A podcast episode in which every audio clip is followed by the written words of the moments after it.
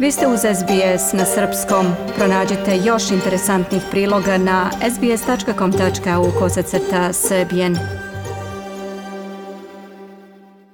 Slušate SBS radio program na srpskom jeziku. U ostalim delovima Australije kao da virus korona više i ne postoji. Međutim, u Melbourneu i u Sidneju se nastavlja debata oko mogućeg drugog talasa zaraze. Večeras u ponoć granica između Viktorije i Novog Južnog Velsa se zatvara i stanovnici Viktorije neće moći da pređu u Novi Južni Vels bez specijalne dozvole. Granica je zatvorena samo ka Novom Južnom Velsu kako bi se omogućilo da iz ove države u Viktoriju redovno stižu pomoćna sredstva sredstva i zdravstveni radnici koji treba da pomognu u suzbijanju žarišta zaraze u Melbourneu. Iako je prelaz iz Novog Južnog Velsa u Viktoriju dozvoljen, ministar zdravlja Novog Južnog Velsa Brad Hazard rekao je za radio stanicu 2GB da čvrsto preporučuje da se sva putovanja za Viktoriju otkažu.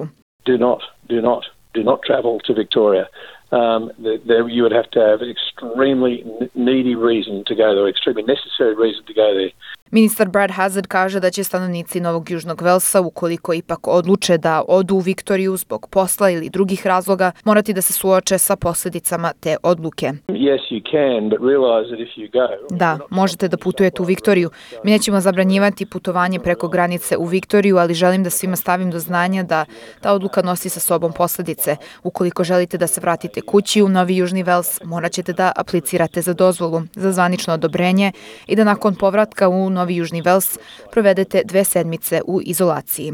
Hazard je rekao da će sistem registrovanja biti dostupan od ponoći na web stranici Ministarstva zdravlja Novog Južnog Velsa. Umeđu vremenu u Melbourneu, devet solitera na severu-zapadu grada u kojima se nalaze socijalni stanovi i dalje su u potpunom karantinu. Čak 500 policajaca se nalazi oko zgrada i stanarima nije dozvoljeno da izađu napolje. U ovim više spratnicama je potvrđeno 69 slučaja zaraze nakon što su tokom dana otkrili još 13 zaraženih. Za sada je poznato da će skoro 3000 ljudi koji žive tamo najmanje pet dana provesti u karantinu. Kako prenosi SBS News, zajednica i bivši stanari ovih zgrada su još u martu pitali kako će se virus kontrolisati u ovim soliterima, jer ljudi dele prostorije za pranje i sušenje veša, žive u malim prostorima i imaju samo po dva lifta u svakoj zgradi. Vlada Viktorije je odgovorila tako što je postavila plakate sa informacijama i znakove, ali ne na svim jezicima, jer u tim zgradama u uglavnom žive ljudi migrantskog porekla. Na društvenim mrežama stanari ovih zgrada tvrde da im je samo jednom doneto sredstvo za dezinfekciju ruku i da uređaj nije napunjen od kako je stavljen, te da je zbog toga situacija izmakla kontroli. Policija Viktorije rekla je da je jedan stanar uhapšen nakon što je probao da pobegne iz zgrade.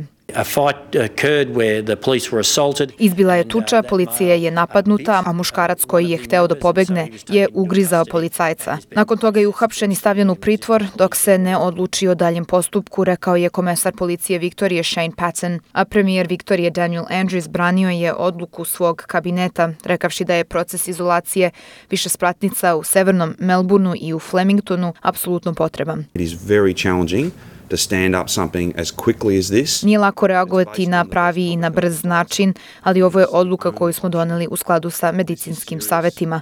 To je bila jedna opcija jer je ovo ozbiljna situacija. Nijedan stanovnik Viktorije nema izgovor.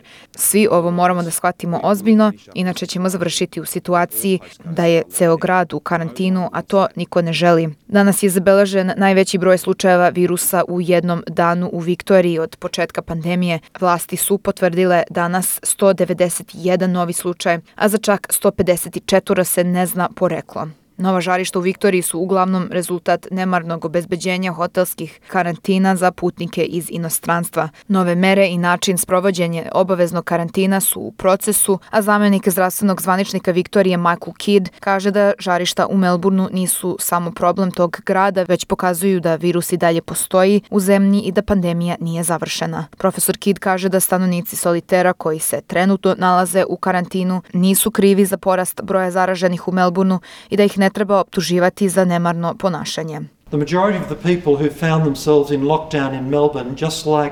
Većina ljudi koji su se našli u karantinu u Melbourneu su pazili na sebe i na druge. Ista je situacija kao i sa ostalim građanima širom zemlje.